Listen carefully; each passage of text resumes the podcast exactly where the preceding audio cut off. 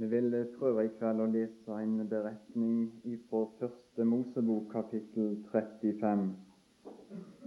Og eh, vi skal lese der i Jesu navn fra vers 16. Så brøt de opp fra Betel, og da det ennå var et stykke vei igjen til Efrat, fødte Rakel, og hun hadde en hårfødsel. Og under hennes hårde fødsel sa jordmoren til henne, frykt ikke, for også denne gang får du en sønn. Men i det samme hun oppgav ånden, for hun måtte dø, kalte hun ham Benoni, men hans far kalte ham Benjamin. Så døde Rakel, og hun ble begravet på veien til Efrat, det er Betlehem. Himmelske Far, vi sier deg takk igjen for ditt ord, og vi takker deg for den beretning som vi har lest nå, og som vi vet er inspirert av deg. Og så var Han gitt oss til lærdom, og så ber vi nå, himmelske Far, at det som blir sagt nå videre i kveld, det er i tråd med dine tanker, og det er i tråd med din ånd. Og så ber vi om at de sannhetene som vi skal dele i kveld, og at det kunne bli til hjelp for en eller annen i denne forsamling. Og så ber vi om det er noen som står utenfor ditt rike i kveld, og at du kunne dra på han, og at han kunne få merke det. At det er en som lokker, og det er en som kaller. Vi ber på Jesu navn. Amen.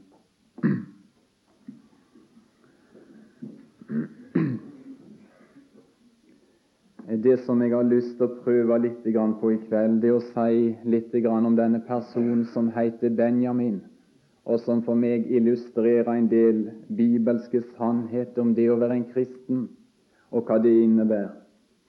Og Nå skal vi ganske kort og fort her i starten bare nevne noen få ting som står her i forbindelse med hans fødsel til denne verden. Og eh, Vi leste det at denne Benjamin han ble født i forbindelse med ei reise. Vi leser om denne Jakob og Rakel som er på vei fra Betel til Efrat. Og der på veien, der skjer det på den måten at denne Benjamin blir født. Det andre som jeg har lyst til å nevne innledningsvis, det er det at Benjamin sin fødsel, den kosta et menneske livet. To ganger leste vi det at om denne fødsel, det var en hård fødsel. Og så står det det at Rakel, hun måtte dø. Hun måtte dø. Det var en hårfødsel som kosta Rakel livet. Det tredje jeg har lyst til å nevne innledningsvis fort, det er de navn som han får når han kommer til verden. Og da ser man egentlig fra to vinkler. Vi ser den døende Rakel som ser denne nye babyen som er kommet til verden og så kaller hun han for Benoni. Og Benoni, det står hva det betyr. Det betyr min smertesønn. Og så ser hun for seg denne babyen som har kosta henne så kolossalt å få til verden, ja, som har kosta henne livet. Så har du Jakob som ser han fra en annen synsvinkel, og så gir han han et annet navn. Han kaller han Benjamin, og det betyr min eller lykkens sønn. Når jeg leser denne beretningen i Første Mosebok 35, så kan jeg ikke la være å tenke på en annen som også drog ut på ei lang reise og ei strevsom reise. Jeg tenker på han som gav avtall på det han hadde i himmelen. Jeg tenker på han som steig ut av den himmelske herligdom, han som steig ned i syndens jammerdal han som levde i 33 år i denne verden, og så ble klynga opp på en kors. Han som døde en død som var noe med det mest skammelige og vanærende et menneske kunne dø i denne verden. Han som heng eller hang på forbannelsens tre, forkasta av mennesket, knust av Gud. Hvorfor kom han? Han kom for å dø. Det er sannheten om den Herre Jesus Kristus. Han talte i Johannes 12 om kveitekornet. Og så sier han det at hvis ikke kveitekornet faller i jorda og dør, så blir det bare dette ene kornet. Men hvis det faller i jorda, og hvis det dør, så ber det mye frukt. Og vet du hvem han tenkte på når han talte om det kveitekornet? Da talte han om seg sjøl. Og det skal jeg bare fortelle deg. Det hadde ikke blitt en frelst synder i himmelen ifra Karmøy dersom ikke Jesus hadde gitt sitt liv på Golgata. Og min himmeleksistens en dag, det har forbindelse ikke med mitt liv, ikke med mine prestasjoner og det jeg har gjort, men det har forbindelse med det han gjorde, hans død, at han døde. Og hvis vi klatra inn i himmelen i kveld og tok et intervju med de som har nådd hjem, og de som har nådd fram, og så spurte vi dem hvorfor er du her, så ville alle kunne svare det samme. Jeg er her på grunn av Golgata. Jeg er her på grunn av at det var en som kom ned i syndens jammerdal, og som gikk til Golgata og hang der i min plass, og tok min straff og tok min skyld, og så gikk han i min plass og så ordna han det slik at jeg fikk liv. En som døde for å frambringe liv. Det er i grunn en betingelse for alt liv. Det er død. Har du tenkt på det? Vi ser det ut i naturen, vi ser det i naturlovene. Skal det bli liv, så må det bli død. Det, livet begynner egentlig med døden, og det finner vi også i Guds rike. Der står i Salme 16 og vers 11 at du skal kunngjøre meg livets vei. Og det er Jesus som taler til Gud, og det er Jesus sine ord til Faderen. Du skal kunngjøre meg livets vei. Og vet du hva den livets vei betydde for Jesus? Det betydde død. Det betydde Golgata.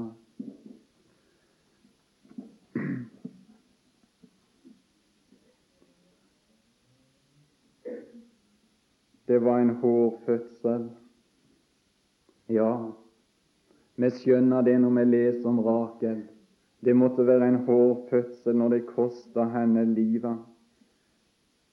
Når hun skulle frambringe denne Benjamin. Og Derfor så kalte hun han òg Benoni, min smertesønn. Men nå skal jeg bare fortelle deg det, at jeg har lest om en som har erfart noe som var langt, langt hardere enn det som Rakel erfarte. Og jeg tenker igjen på han som henger mellom himmel og jord, og så får med Gud å gjøre, som synderen, den ene, som all verdens synd var lagt på, og så skal han betale, så skal han gjøre opp. Der står en ting i Hebreabrevet som jeg av og til tenker på når jeg betrakter Golgata og Jesus. Det er gruelig å falle i den levende Guds hender. Og det som han erfarte på Golgata, det var akkurat det at Gud er en fortærende ild, og det er gruelig å falle i den levende Guds hender. Det var ingen nåde for Jesus. Det var ingen barmhjertighet. Isak hadde en forferdelig erfaring en dag som han aldri hadde erfart før. Vet du hva det var? Han hadde sett far mange ganger, men han hadde aldri sett far tok kniven og retta imot hans bryst. Og det var en erfaring ute på Golgata som Jesus aldri hadde hatt i evighet før han kom til verden, eller i de 33 år han hadde levd i verden og det var at han fikk sin egen far imot seg. Det var at han fikk med dommeren å gjøre. Han hadde alltid levd i samfunn, i forbindelse med sin himmelske far. Men ute på Golgata der er det en som vender kniven imot sin egen sønn. Og så skal dine synder betales, og så skal min straff ramme han. Og det kostet Jesu dyre blod å frelse meg en dag. Forlatt du òg av dine ble, ja, av din Fader med, og aldri jeg utgrunne kan hva da ditt hjerte le. To ganger roper Paulus til korinterne å, det er dyrkjøpt, det er dyrkjøpt. Det var fødselssmerter. Det var fødselssmerter. Men bak Golgata, der er det liv. Og der er det en forunderlig nyskapning som stiger fram. Guds menighet, Guds barn, den kristne, om du vil. Og vet du hva jeg hadde lyst til videre nå i kveld? Jeg hadde lyst til å anvende denne sannheten om Benoni, om Benjamin, på deg og meg. For veit du hva, når jeg tenker på meg sjøl, og hva det kosta Herren å frelser meg og Nå hadde jeg lyst til å minne deg om det, du som hører Herren til, og du er en slik Benoni. Du er en slik som han kan si, min smertesønn. Han måtte gi livet. Han måtte smake av døden, og han tok smaken ut av døden. Han tok straffen. Ikke straff, men straffen. Alltid samme. Og du er en Benoni, kjære tilhører. Du er en smertens sønn. Det koster han alt. Men du er ikke bare det. Du er ikke bare det. Du er også en Benjamin, du som har kommet til Herren, du som har fått liv i Gud. Det er Noe med det mest forunderlige jeg leser i Skriften, det er det at jeg også er en lykkens sønn. Ja, men kjære folk, du var jo en ugudelig synder.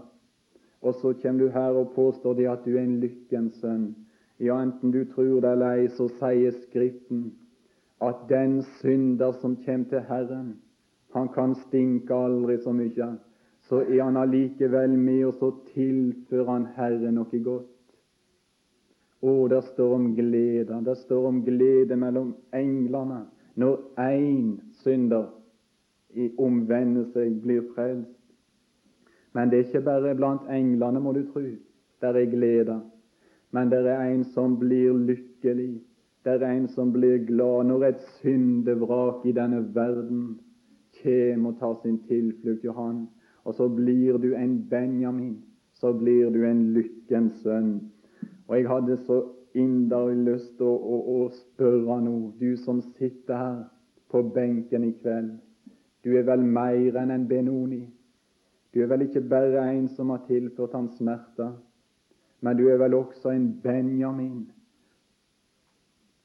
du har vel kommet til Han, og du har vel tilført Han glede ved at du kom. Og Hvis det ikke, så har jeg lyst til å rope det ut så du skulle høre det i kveld. Du kan ha den mulighet at du setter himmelen i bevegelse i kveld. Og du har den mulighet, kjære synder i denne forsamling, at du kan glede Jesus ved at du kommer i kveld, ved at du sier ja til Han. I Lukas 15 står det jo en herlig beretning om en far som speida, og han så. Og hva var det han ventet etter? Og hva var det han speide etter? Jo, det var den gutten. Han som var der mellom svina. Han som åt grisemat. Han som hadde forspilt livet sitt, og så en dag så kommer han. Og så står det om en som sprang. Og så står det om en som kasta armene om halsen på den andre. Og så står det om en som kysste den andre. Det var ikke gutten som sprang. Det var ikke gutten som kastet armene om halsen på far. Og det var ikke gutten som kysste far, men det var far som sprang. Det var en som venta. Og så står det de begynte de begynte å være glade. De begynte å være glade. Og det beskriver litt av det som er himmelens reaksjon når en fortapt synder vender om ifra griselivet og ifra livet der i grisematen, og når han kjem til Herren. La oss videre nå i kveld gå litt til femte Mosebok. Jeg hadde lyst til å minne deg, kjære Benoni og kjære Benjamin, om noen sannheter som i hvert fall for min del er med og vise litt av den rikdom det er å være et Guds barn i denne verden. Der står i 5. Mosebok kapittel 33 og vers 12 fire sannheter om Benjamin, og det passer søkkende godt på enhver kristen i denne verden.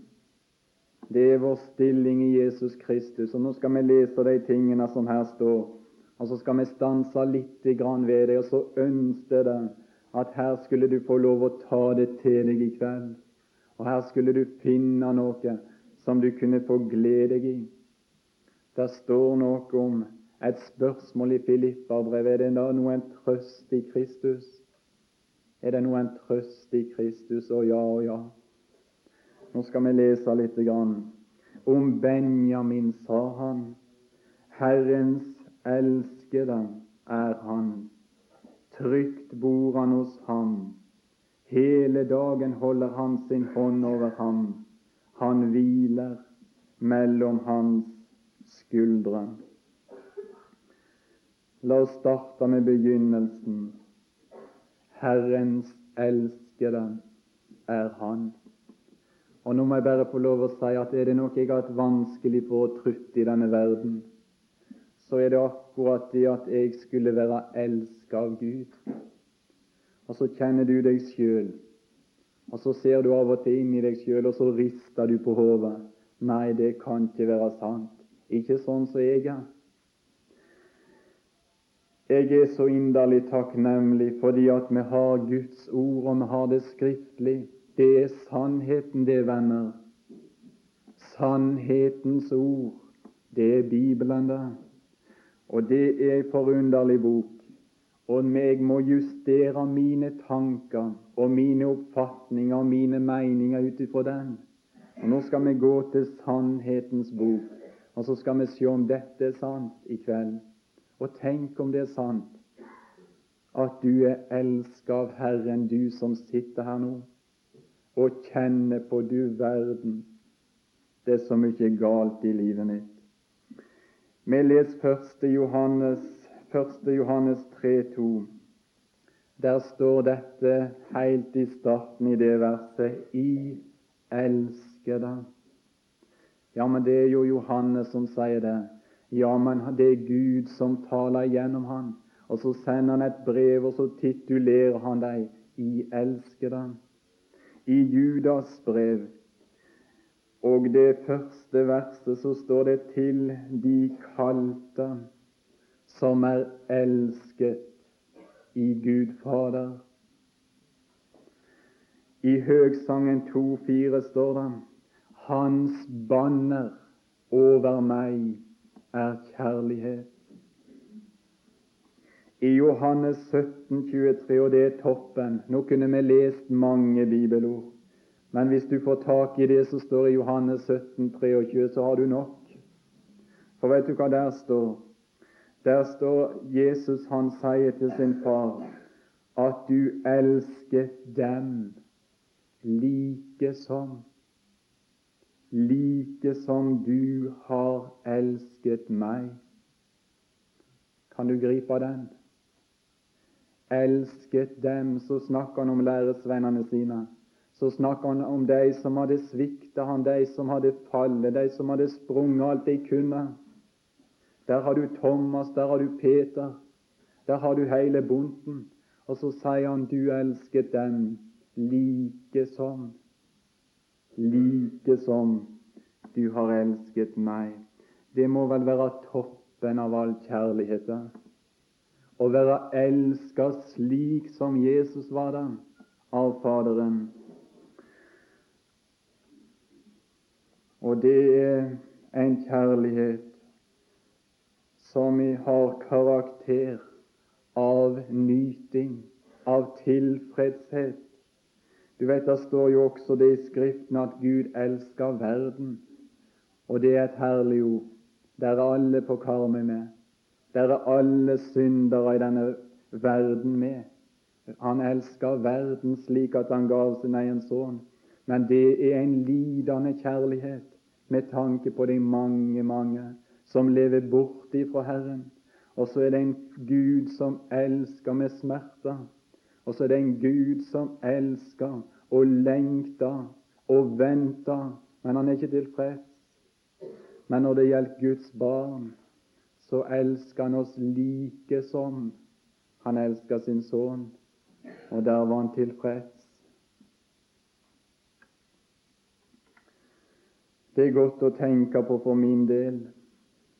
Jeg er elska av Herren når livet går imot, når venner kanskje svikter, når Gud slår, når Gud tukter.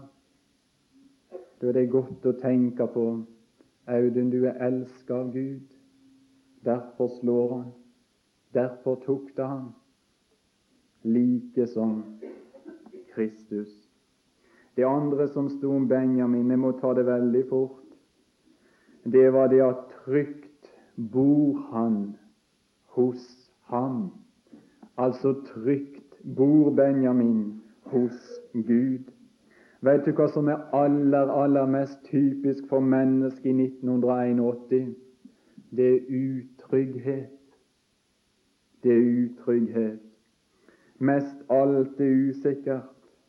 Nå er for så vidt ikke det noe nytt, men dette med utrygghet og usikkerhet det har fulgt menneskeslekta fra den dag fallet var en realitet.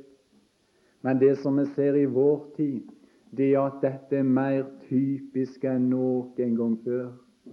Du kan jo bare ta en titt i avisene.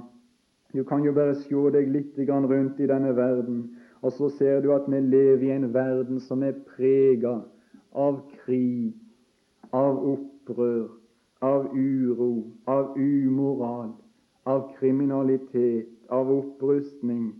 Vi lever i ei tid og et menneskeliv har mindre verdi enn det nok en gang har hatt før.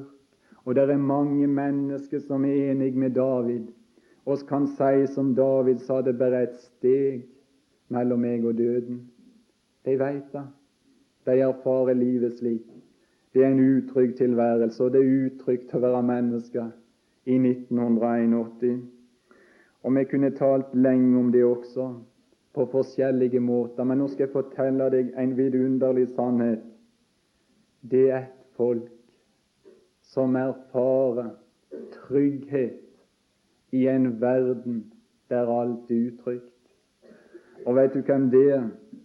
Det er de som har flytta inn i en bolig som heter Gud. En bolig er den eldgamle Gud, og der er det trygt. Og der har de erfart alle sammen som har budt til alle tider, at der er det mer enn bommesikkert. Ja, det er noe med toppen det når de sier det er bommesikkert. Det huset, det er bommesikkert. Men det, den bolig som heter Gud, den er mer enn sånn sikker. Der er du trygg under alle forhold. Der er du sikker i alle livssituasjoner. Der er du sikker i dommen. Der er du sikker i døden. Og jeg tenker ofte på martyrene som jeg har lest om. Så kunne de komme og ta deg. Så kunne de føre deg av gårde. Og så kunne de til og med ta livet deres. Men de var trygge også da. For hva var det som skjedde egentlig når de lå utspent til pinsel, som det står? Og så fikk de tilbudet nå kan de bare fornekte Jesus, så skal vi løse båndet, så skal de få stå opp, og så er det fri. Vet du hva jeg svarte? Nei takk. Bare slå og så slo de deg inn i døden. Hvorfor, hvorfor, hvorfor sa de ikke ja takk da til befrielse? Nei, fordi at de så fram til en bedre oppstandelse. Og så bodde de trygt. Også når bødlene røk på dem, så var de trygge. Og så tok Gud og førte dem gjennom døden og tok dem hjem. Det er det som er trygghet.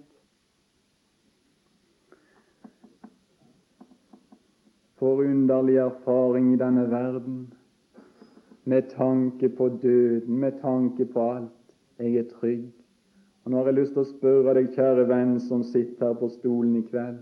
Er du kommet inn i den bolig som heter Gud? Er du en Benjamin? Er du en Benjamin som bor trygt? Hvis Gud henter deg ut av verden i kveld, var du trygg? Jeg veit ifra mitt liv en periode Jeg nevnte det på ungdomsskolen. En periode jeg ikke regna meg for å høre Herren til. Og det var ingen god tid. Jeg husker mange kvelder jeg hadde lagt meg. Jeg var livredd.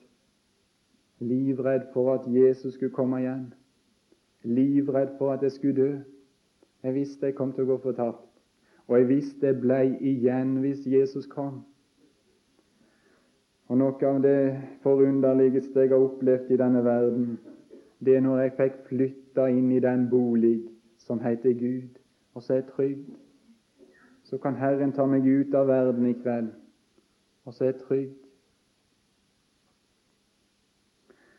Det tredje som sto om Benjamin Hele dagen holder han sin hånd over ham. Forunderlig sannhet hele dagen. Ja, var det nødvendig da? Ja, det var nok nødvendig. Og jeg veit en ting når det gjelder meg og mitt liv i denne verden, så er det en nødvendighet at Herren holder sin hånd over meg hele dagen. For vet du hva jeg har sett i Skriften? Jeg har oppdaga det at vi har så kolossalt mange fiender. Og det som er felles for disse fiendene, det er at de er overmektige. Jeg har ikke mulighet å stå meg imot dem. Du vet det står om vondskapens ånde her i himmelrommet. Du verden for en hær, og for en styrke. Der står om Satan, denne verdens fyrste. Og jeg veit at vesle meg, jeg hadde ingen mulighet. Dersom Gud slepte meg i et minutt så var jeg tapt. I et øyeblikk så var jeg tapt. Men når jeg kan stå her i kveld og få lov å tro jeg er et Guds barn og høre himmelen til, så er det fordi at det er en som hele dagen har holdt i hånd over meg i ca. 20 år. Og Nå kunne vi tatt vitnemøte i kveld òg. Og så er det noen her som jeg har fått lov å møte i denne forsamling, som har levd med Herren i 50 og 60 år. Og hvorfor er du en kristen i kveld? Det er fordi at det er en som hele dagen og hele livsdagen har holdt i hånd over deg. Du er verna, du er beskytta av Han. Det er Benjamin, det. Der står noe i Første Mosebok 48 som jeg tror vi må lese i sammen. Jakob var kommet til slutten på sitt liv. Og det var et liv som han hadde opplevd forskjellig i. Det var ikke mors beste barn, denne Jakob. Så står det i vers 15 at Jakob han velsignet Josef og sa:" Den Gud for hvis åsyn mine fedre Abraham og Isak vandret, den Gud som var min hyrde fra jeg ble til og til denne dag. Han er blitt gammel. Han nærmer seg døden. Og så ser han tilbake på livet sitt. Og så kan han registrere den hyrden som hadde ledet han, som hadde vokta han, som hadde beskyttet han i hans ungdom, i hans barndom, den hyrden var med han like til denne dag. Og så dør Jakob som en tilbeder til den hyrden som hadde klart å få han igjennom. Av og til så hadde jo han stukket ut av veien, men så var hyrden etter han, og så innhenta han han, og så fikk han han på plass igjen. Og så gikk det videre ei stund, og så var Jakob ute av kurs igjen. Så var hyrden etter han, og så tok han tak i han igjen og fikk han på plass. Like til denne dag. Det er forunderlig, det. Og Jeg har mange ganger forundra meg over den tålmodighet som Herren har med sine barn. Han er mild og tålmodig som ingen på jord.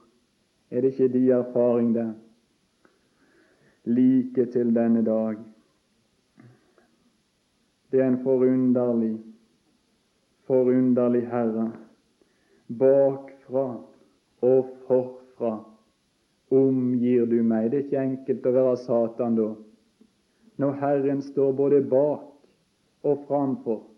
Det er ikke enkelt å komme til. Skal vi lese i Salme 3? Der er også noen ord for Benjamin. Alle som kan kalles med det navnet, de kan få lov å gå inn i den salmen. Salme 3. Det er egentlig David som det der står om, og han hadde mange erfaringer i denne verden. Han hadde mange fiender. Og det sier han i det første eller andre verset. Herre, hvor mange mine fiender er. Mange reiser seg imot meg. Mange sier til min sjel, det er ingen frelse for ham hos Gud. Sela. Men du, Herre, så ser han den veien. Nå har han sett rundt seg, og så har han sett alle fiendene. Så har han sett alle disse som taler imot ham. Men så ser han opp, og så sier han, men du, Herre, er et skjold omkring meg. Har du sett et slikt skjold? Vanligvis er det jo et skjold som vi holder, og som vi må bevege etter som fienden kommer.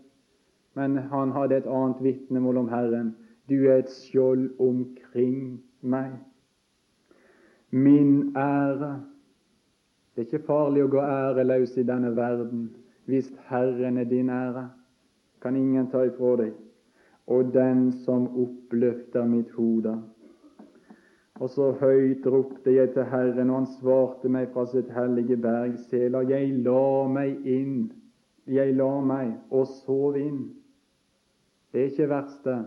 Når du er omgitt av fiender på alle kanter, så kan han legge seg ned, og så er han trygg, og så sovner han godt. Fordi Herren var et skjold omkring han.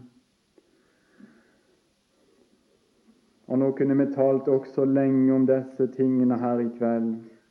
Men jeg hadde bare lyst til å minne deg, du som er en Benjamin, du som har kommet til Herren hele dagen, holder Han sin hånd over ham. Og den hånd, den må du lese om i Skriften. Og da skal du bli forundra, og så skal du få tillit, og så skal du bli glad, og så skal du bli trygg, og så sier du takk, Gud fordi de allmektige hånd, den er rundt vesle meg. Og det siste vi skal ta i kveld, ifra 5. Mosebok 33, det var at han hviler mellom hans skuldre. Altså denne Benjamin, han hvilte mellom Herren sine skuldre. Og Da må jeg bare også få lov å si det at det var ikke alltid at Benjamin hadde hvit. Vi kan f.eks. tenke på ei tid da de var i Egypt, og da de var i trelldom, da de hadde en over seg som het farao, som la tungt arbeid på folket, som la tunge bører på skuldrene til Benjamin og til de andre israelittene og stammene. Det var ingen god tid. Det var slaveliv. Det var trelleliv. Og det var under eh, overvåking av slavedrivere som piska de fram hvis de ikke oppfylte det som de forlangte. Men så erfarte de noe forunderlig, og det er en forunderlig sannhet som også står i Salme 81,7, at Herren, han fridde hans skuldre fra byrden. Hans hender slapp fri fra bærekurven. Og det erfarte Benjamin, og det erfarte disse stakkarene i Egypt som var i trelldom, at Herren greip inn, og så fridde Herren deg ifra byrdene. Men Benjamin erfarte noe mer enn at Herren fridde han ifra byrdene. Vet du hva han erfarte? Han erfarte at Herren løftet han opp og så la han han på sine skuldre. Og tror du det var forskjell?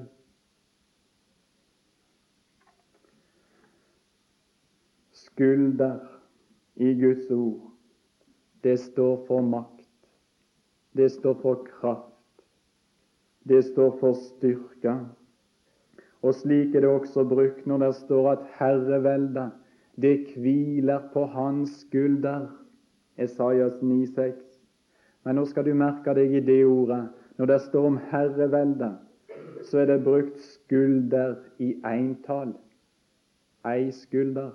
Og den skuldra er nok, den, billedlig talt, for å holde hele herredømmet oppe for Gud. Men når det gjelder disse Guds barn, og når det gjelder Benjamin, så er det snakk om skuldrer. Og trykker du, kjære venn, at han som med bruk av ei skulder klarer å holde hele herredømmet oppe, at han skal klare å holde deg ved bruk av begge. Jeg kan ikke si annet når jeg leser Skriften, enn at jeg har fått en tillit når det gjelder framtida. Jeg tror nok det skal holde. Ja, men du kjenner ikke deg sjøl.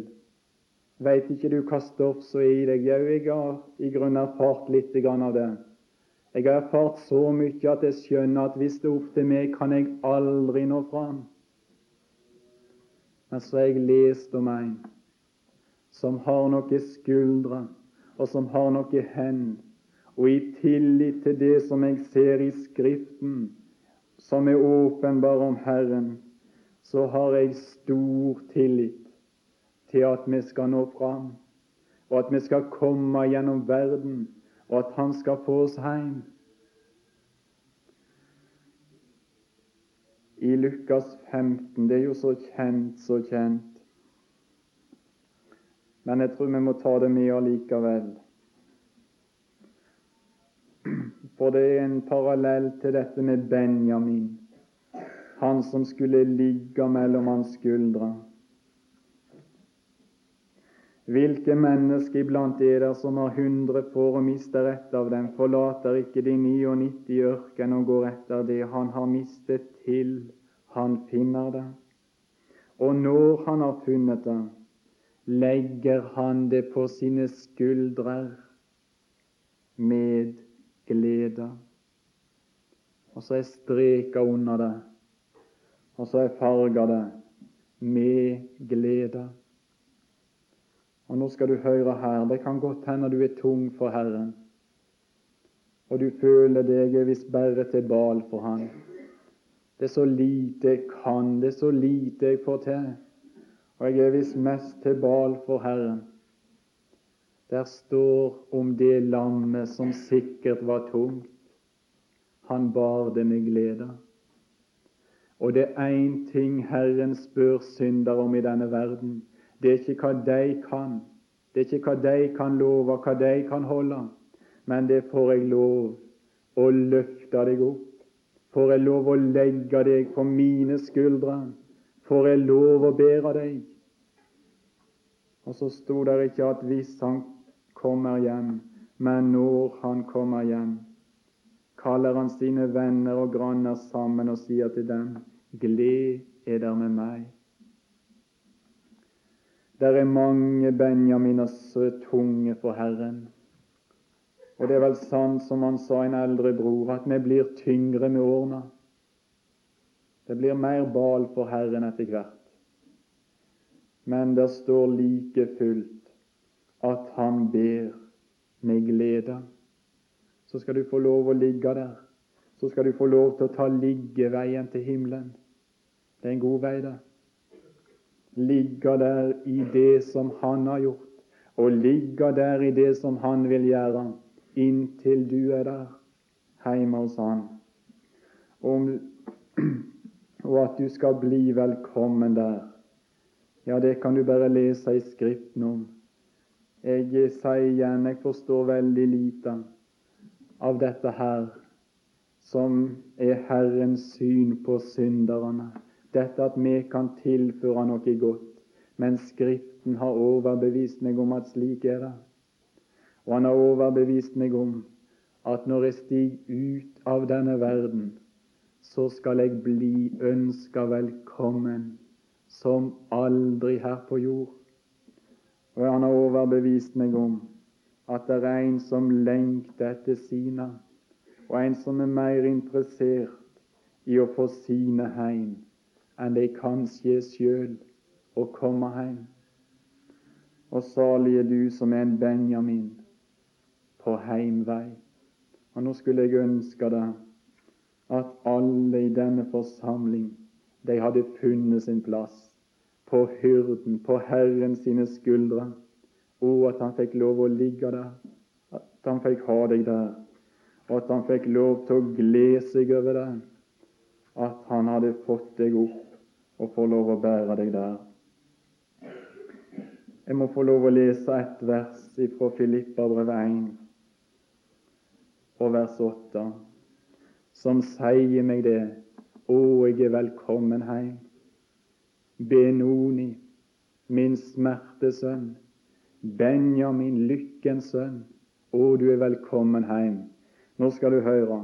For Gud er mitt vitne, sier Paulus, hvorledes jeg lenges etter eder alle med Kristi Jesu hjertelag. Paulus hadde vært så lenge sammen med Jesus, han hadde levd så lenge i samfunnet med Jesus at han var begynt å ligne han. Og så avslører han litt av sitt hjerte her, og så sier han det at han lengta etter deg. Å, det var noe han lengta etter. Og det var å se brødrene, være sammen med deg, dele samfunn med deg. Og så sier han, jeg lenges etter dere alle med Kristi Jesu hjertelag. Hvis du fikk se like inn i himmelen nå, og hvis du fikk se like inn i Jesu hjerte i kveld, så ville du se en som lengta. En som lengta etter sine en som lengta etter å få Benjaminene hjem. Og det er jeg overbevist om, at også i evighet skal jeg være en lykkes sønn. Jeg skal være med å tilføre noe godt. Hvor skal du tilbringe din evighet? Syng vi av og til en sang. Og så er jeg glad fordi at jeg kan få lov å stå her i kveld og si det at jeg ønsker å tilbringe den i sammen med Han som har gjort livet lys på jord, og som skal gjøre evigheten lys.